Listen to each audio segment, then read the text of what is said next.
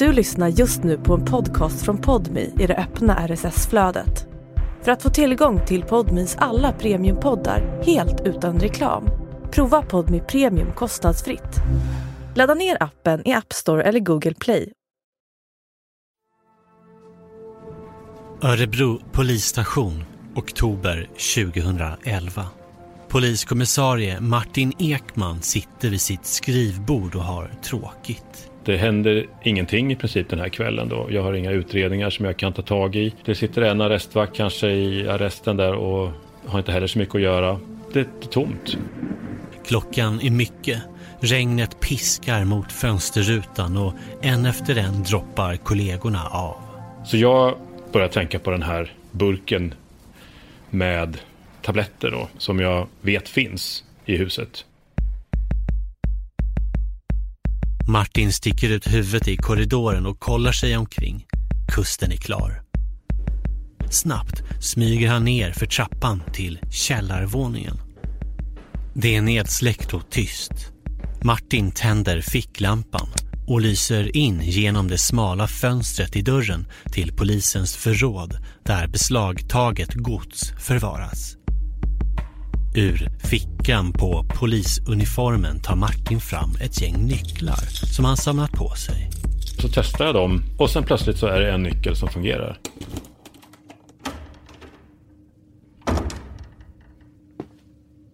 Ljuskäglan spelar över arkivskåp, hyllor med prylar och kassaskåpet med beslagtagna kontanter och smycken. Och där, på en bänk, ser han det som han har drömt om hela kvällen. En 30 centimeter hög och 15 centimeter bred genomskinlig plastburk med beslagtagen narkotika och narkotikaklassade läkemedel. Och jag gräver i den här burken och får fram både det ena efter det andra. Liksom. Och det är framförallt tramadol och tradolan. Men jag hittar också Dolcontin, jag hittar Oxycontin. Jag såg det ju då inte som ett dubbelliv, utan eh, det var mitt problem. Och jag skulle ju ta itu med det. Jag skulle ju sluta med det här. Det här är Dubbelliv. Podcasten om våra hemligheter och lögner. Om verkligheten bakom den sminkade fasaden och stunden då allt faller. Jag heter Hugo Lavett. Siri Hill berättar Martin Ekmans historia.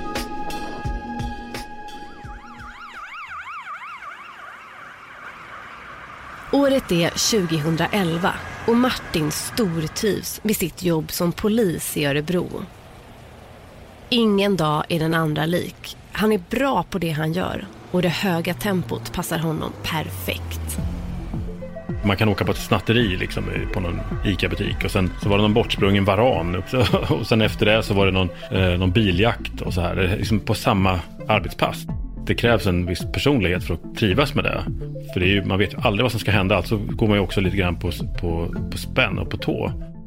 Martin är en glad och social typ och han är omtyckt av kollegorna som han spelar innebandy med varje vecka efter jobbet. Han är gift sedan 12 år tillbaka, han har ett hus och en son och så älskar han musik.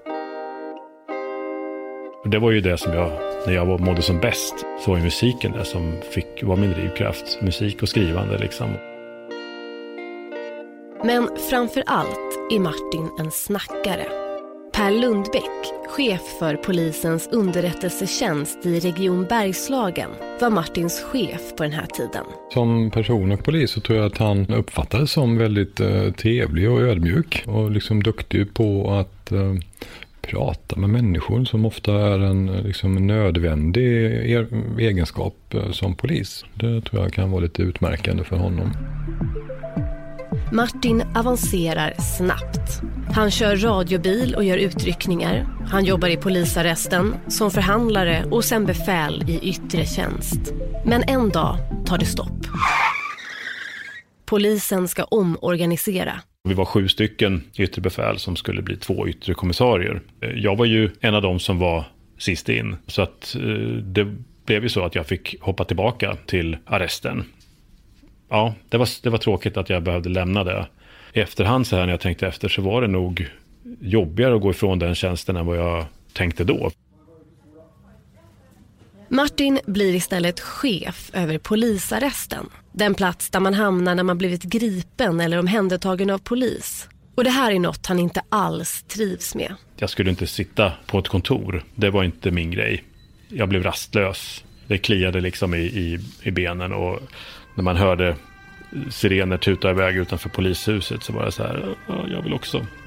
Det var några pass kanske där det var fullt upp, men sällan att det var hela passen. Och ibland kunde det vara rent av dött. Då var det verkligen bara att sitta och vänta på att någonting kom in i arrestavdelningen.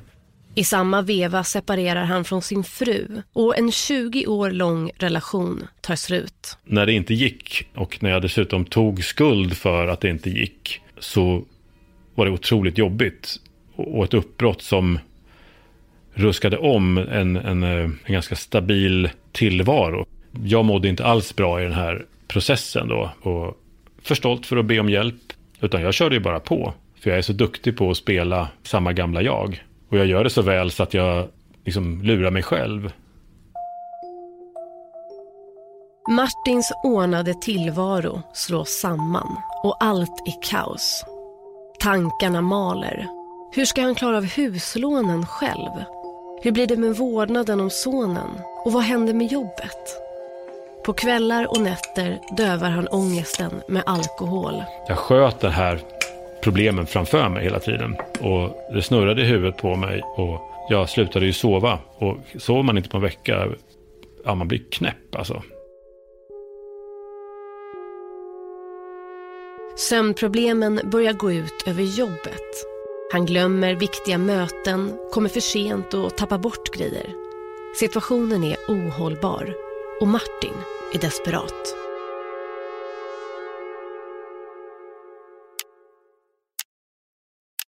Det är natt.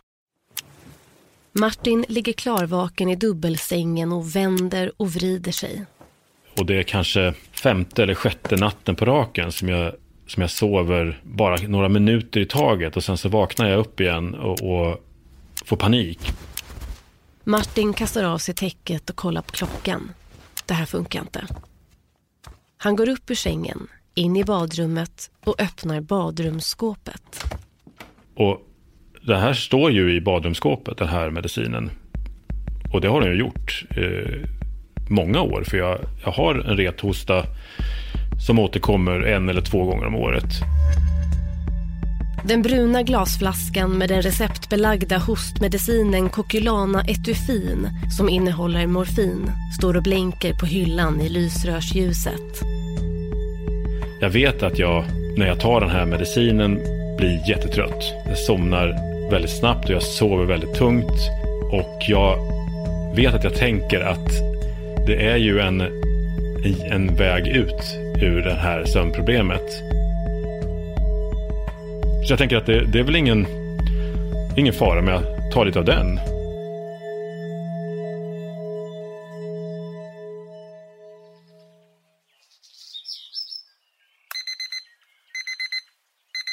När Martin vaknar känner han sig utvilad för första gången på länge och han kan andas ut.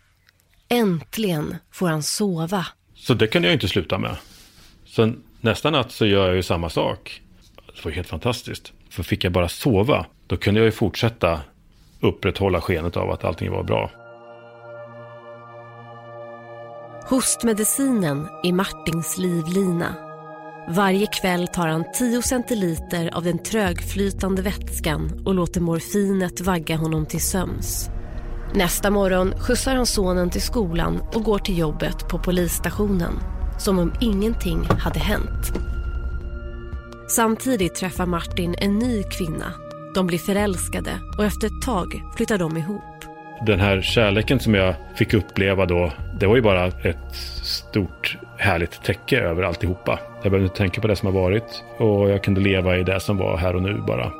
Varken familjen, kollegorna eller vännerna vet om att Martin tar receptbelagd hostmedicin för att kunna sova.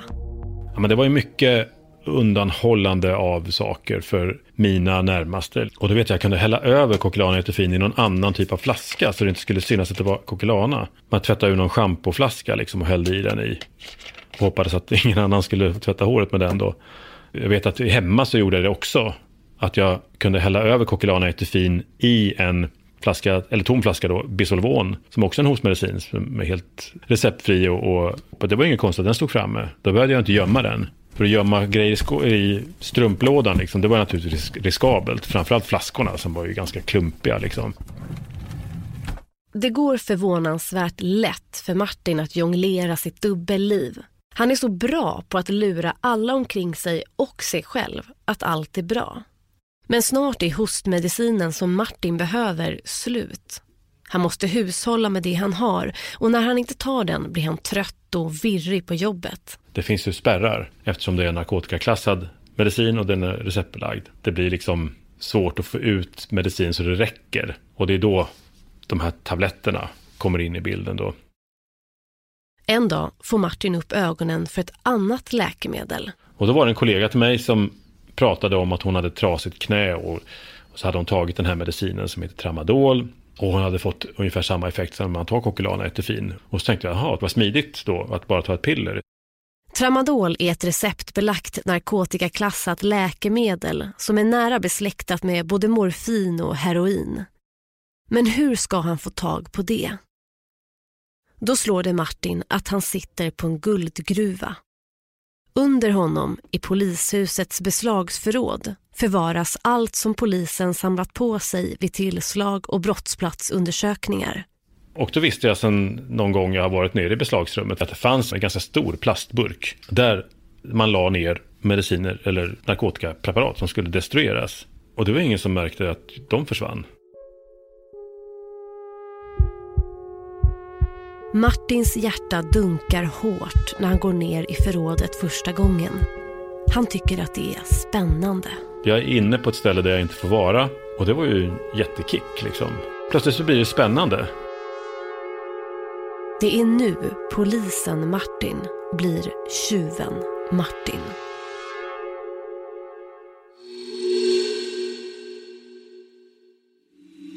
Martin har en ny livlina den heter Tramadol och han dras djupare och djupare ner i missbruket.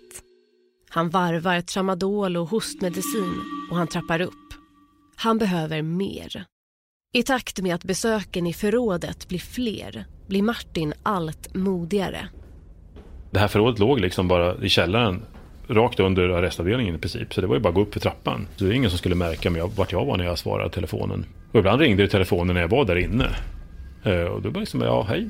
Och, ja, det har kommit in något, eller var någon fråga. Eller så här, och jag kunde ju svara som, det var ingen som såg att jag inte satt på mitt kontor då. Där gick man ju verkligen från en roll till en annan. Där står jag i ett förråd och letar efter, efter tabletter. Och så ringer telefonen och så går jag upp på stationsbefäl. Som om ingenting har hänt. Polisen Martin lever dubbelliv. Ena stunden chefar han över vakterna i polisarresten, gör utredningar och bestämmer vem som ska vara fortsatt gripen och vem som ska släppas fri. I nästa stund står han i polisens förråd och letar tramadol. Men efter ett tag ger tablettstölderna inte den där kicken längre. Martin börjar se sig om i förrådet efter annat. Jag vill inte påstå att jag är någon kleptoman i, i normala fall, liksom, men det fanns ju en spänning i det. Att ta tabletter blev ju tråkigt till slut. Det var ju ingen som märkte det. Eh, men det var just det också, att jag inte tog från andra. Det var ju så jag såg det. Det är klart jag gjorde förstås indirekt. Men jag tänkte liksom att det finns ingen målsägare här. Och det kanske fanns någonstans, men jag såg den inte. Det blev så enkelt och det, enkelheten gjorde att det kändes så trivialt. Parfymflaskor, smuggelsprit, verktyg, gardiner en cykel, kontanter och armbandsklockor försvinner från både beslagsförrådet och polisens hittegodsavdelning. Det spelade ingen roll vad det var och ingen kommer märka något förmodligen. Det, hur ska de veta att det är jag? Så det blev liksom en, precis som man kanske trappar upp en, en, ett missbruk i medicineringen, så trappar jag upp det här också. Stöldgodset tar Martin med sig hem. Cykeln parkerar han i trädgården Gardinerna sätter han upp i köket. Han skämmer bort sin sambo med små presenter. Bland annat parfymer från Ralph Lauren och Chanel. Men en kväll är Martin på väg att åka dit. Jag går väl mot den här lådan med tabletter. Och så dyker det upp en människa där och han jobbar nere i beslagsrummet. Han liksom bara, ja hej, kan jag hjälpa dig? Och jag, jag är snabb här i tanken vet jag. Och säger någonting i stil med att du, jag letar efter ett beslag här i ett ärende. Eh, ja, har du ett K-nummer då? Nej, ja just det. Fan, alltså, vad, hette, vad var det nu då? Eh, jobbar du länge till så här? För det förstod jag ju, eller trodde jag i alla fall att han inte skulle göra. Nej, jag tänkte nog gå hem nu. Ja, ja, ja men skitsamma då. Jag kan ta det imorgon då. Och så ljuger jag mig ur det där då. Och sen går jag. Och sen hör jag ingenting mer om det. Och alltså det är ju obegripligt att, att han inte ställer fler frågor egentligen. Så att... Eh, de ja. litar på dig? Ja, de gjorde ju det. Och det är väl därför många blev väldigt, väldigt besvikna också på mig. Och det kan jag mycket väl förstå. För att man litade på att det jag sa var sant. Men vad Martin inte vet är att hans kollegor är honom på spåren.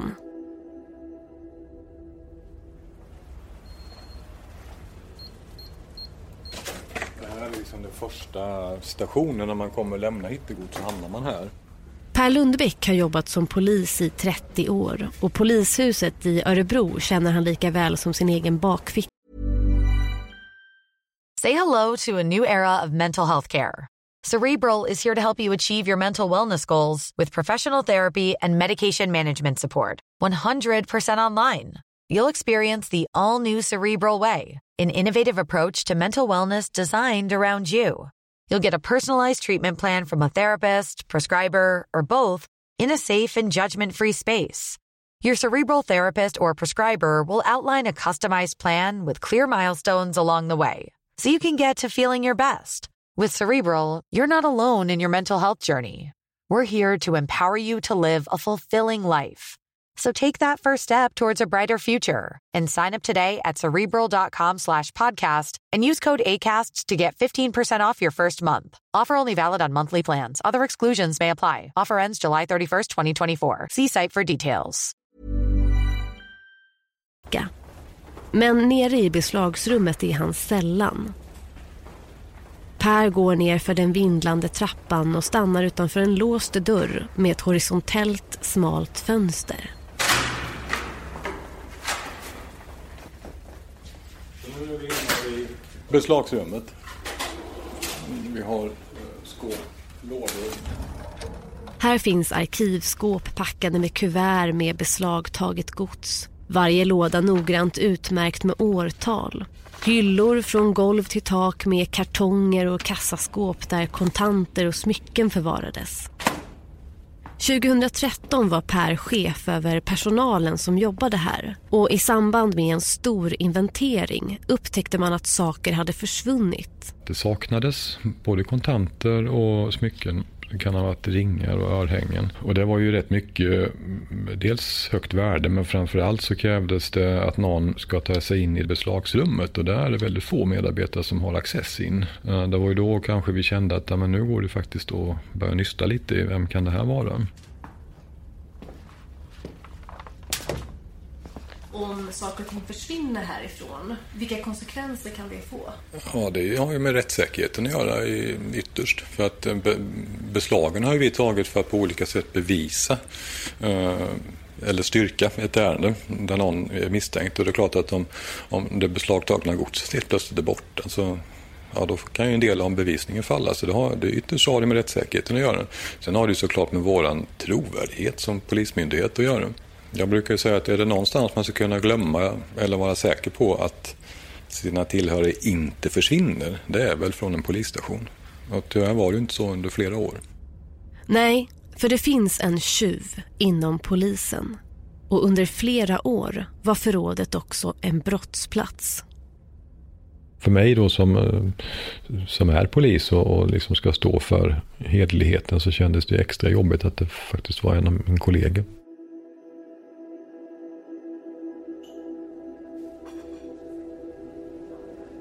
Ryktet om stölderna sprider sig som en löpeld. Det viskas i korridorerna, snackas runt fikabordet och spekuleras på lunchrasten. Vem är tjuven? En dag fikar Martin med några kollegor i polishuset och han bara vet att det kommer komma upp. Stölderna. Jag satt runt det här bordet och kanske till och med fällde någon kommentar. Eh, och det var ju verkligen en, en sån här, här sitter det två personer liksom. En, en person som har gjort det här som de pratar om. Och en person som är polis. Som sitter och tycker att, ja fy fan vad dåligt. Usch. Det, blev, det var liksom som att även där så pratar jag om någon annan. Martin hör sina kollegor prata. Kan det vara någon av dem som jobbar i beslagsförrådet? Det är ju bara de som har access. Eller är det någon utifrån? Städarna eller någon hantverkare? Har sakerna bara råkat slarvas bort? Martin lutar sig tillbaka i stolen.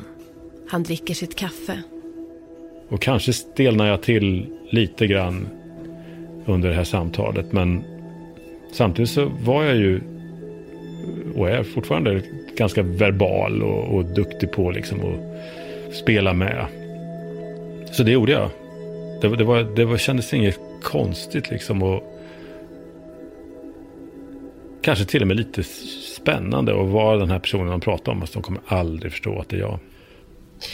Men du ljuger ju liksom både för din familj och för dina kollegor mm. typ varje dag. Ja. Hur gick det ihop? Hur var det? Jag såg det ju då inte som ett dubbelliv. Utan eh, jag såg det, tror jag, nog väldigt mycket som min grej. Det var mitt problem. Och jag skulle ju ta itu med det. Jag skulle ju sluta med det här. Det tänkte jag nog hela tiden. Att det är bara tillfälligt. Men fattade du att om du skulle bli upptäckt så skulle du förlora allt? Nej. Så tänkte jag inte då. Och det är det också obegripligt. Hade någon sagt det till mig, men du tar ju grejer från ett beslagsförråd. Om någon ser dig göra det här så kommer du bli av med jobbet. Och du kommer bli dömd för stöld. Det hade jag ju naturligtvis kunnat ta in då. Men jag tänkte aldrig tanken själv. Jag tänkte mera, ingen kommer veta att det är jag.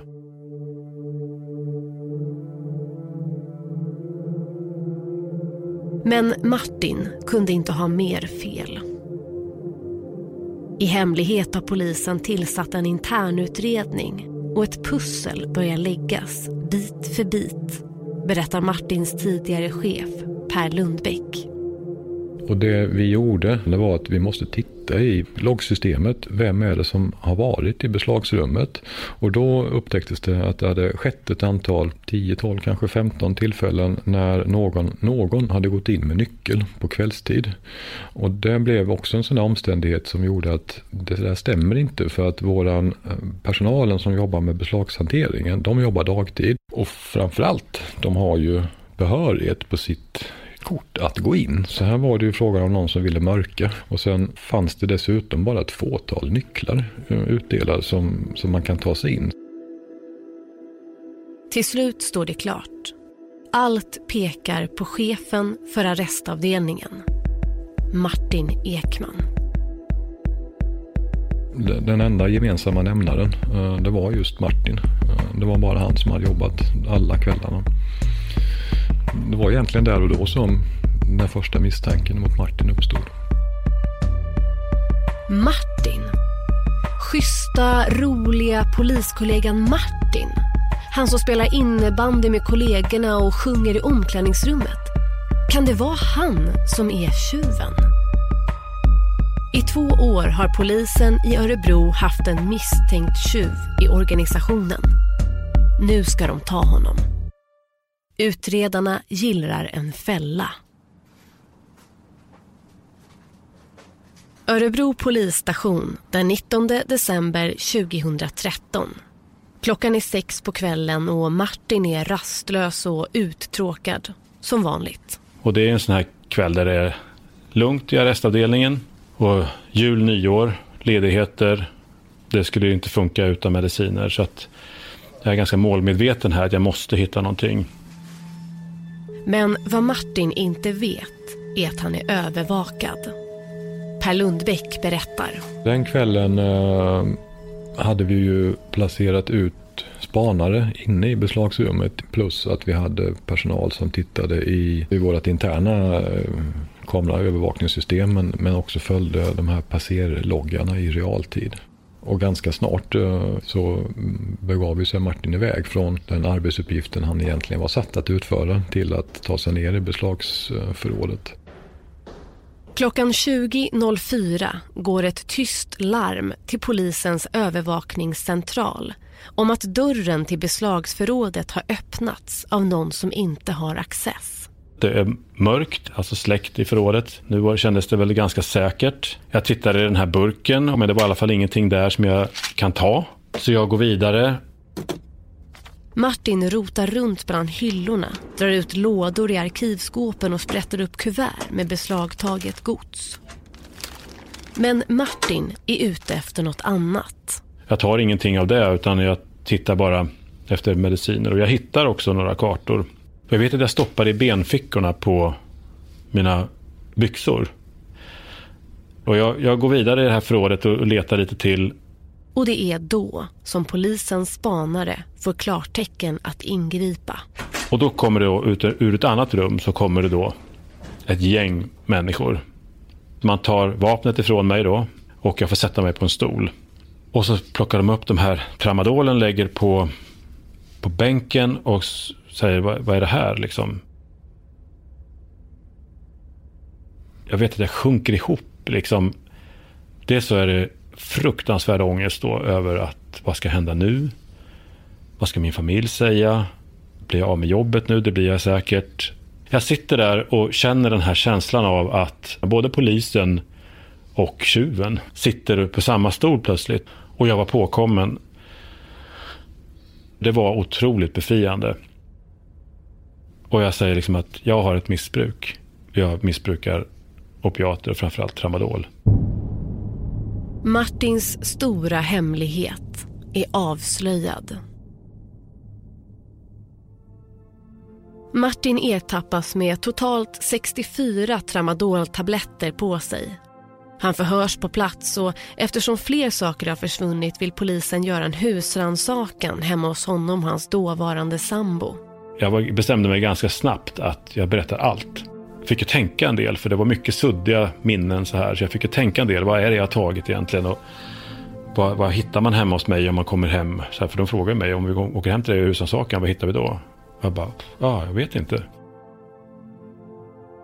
Men vad gör man med en polis som ertappats som tjuv på sin egen arbetsplats? Vi kunde inte ha kvar honom i Örebro för att han var ju chef för arresten.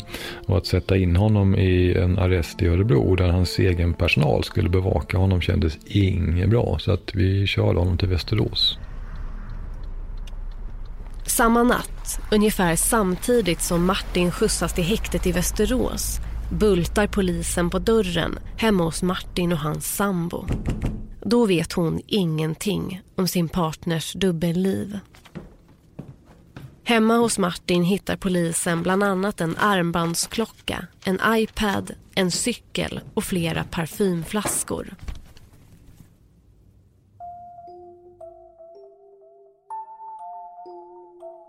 Martin anhålls misstänkt för stöld och stängs av från sin tjänst. Det blir Per Lundbäcks uppgift att berätta för Martin att han får sparken. Ett möte som han sent kommer glömma. Och han blev nog inte jätteförvånad. Kändes ändå som att han förstod att han, han var avslöjad liksom. Och det var dags att göra någonting åt sitt liv.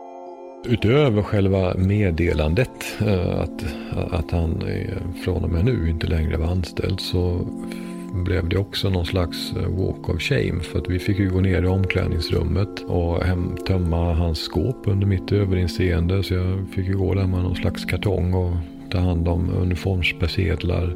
Han fick också gå ner på sitt eh, kontor och tömma det som var personliga ägodelar. Och sen upp och ut genom personalingången. Och nej då kom aldrig tillbaka. Att, att solka ner varumärket polisen på det sättet. För mig kanske det var det, det värsta. Eh, för att vi, vi har ju det uppdraget att eh, skydda, hjälpa oss där till rätta. Och om vi inte klarar av liksom att hålla ordning på våra egna tillhörigheter eller sånt som vi har tagit ifrån andra. Så, men vem fan ska lita på polisen då?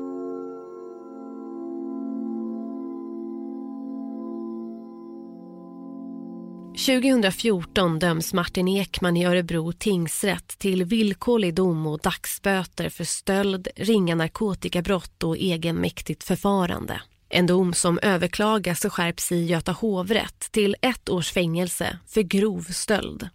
På grund av att Martin var polis och hade en förtroendeställning när stölderna begicks ska han få ett hårdare straff enligt rätten. Helt rätt, tycker Martins tidigare chef Per Lundbäck. Brottet, den brottsliga gärningen, den tar jag ju allt avstånd ifrån jag bara kan. Och jag är ju glad att han fick ett ganska kännbart fängelsestraff. För det tycker jag att eh, den brottsliga gärningen förtjänade. Han behövde ju en vändning i sitt liv för att komma till rätta med och kunna bearbeta sitt beteende. Vilket jag upplever att han lyckades med. Så att jag, jag är idag jätteglad, uppriktigt glad att det har gått bra för honom. Att han har hittat tillbaka till ett nytt liv.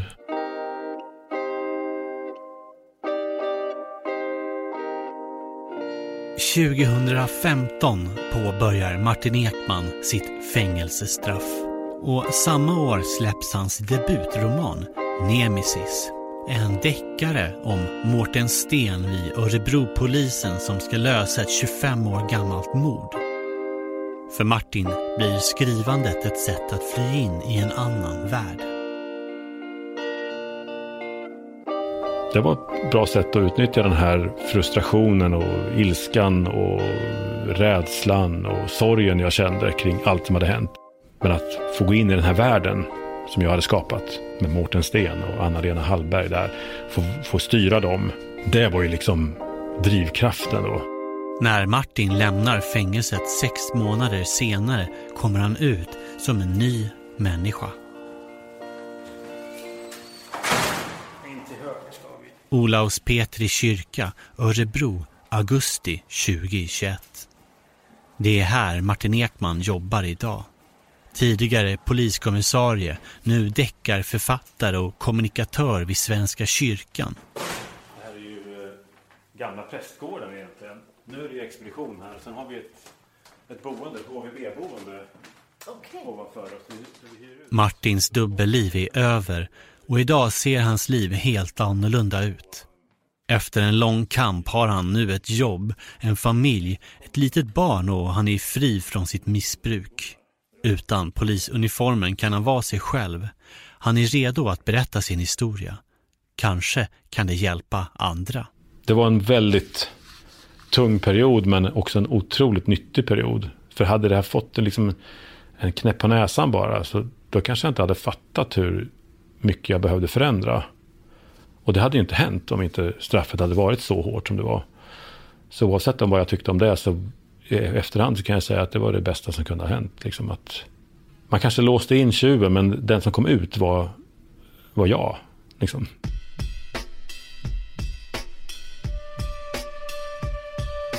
Du har lyssnat på Dubbelliv, en exklusiv podmi-produktion av Banda. Reporter var Siri Hill. Producent är jag, Hugo Lavett. Exekutiv producent hos Podme är Joni Söderström Winter. Musik av Reese Edwards. Har du en dubbellivshistoria att dela med dig av? Skriv då till mig på hugo bandaproduktion.se. Tack för att du lyssnat. Vi hörs.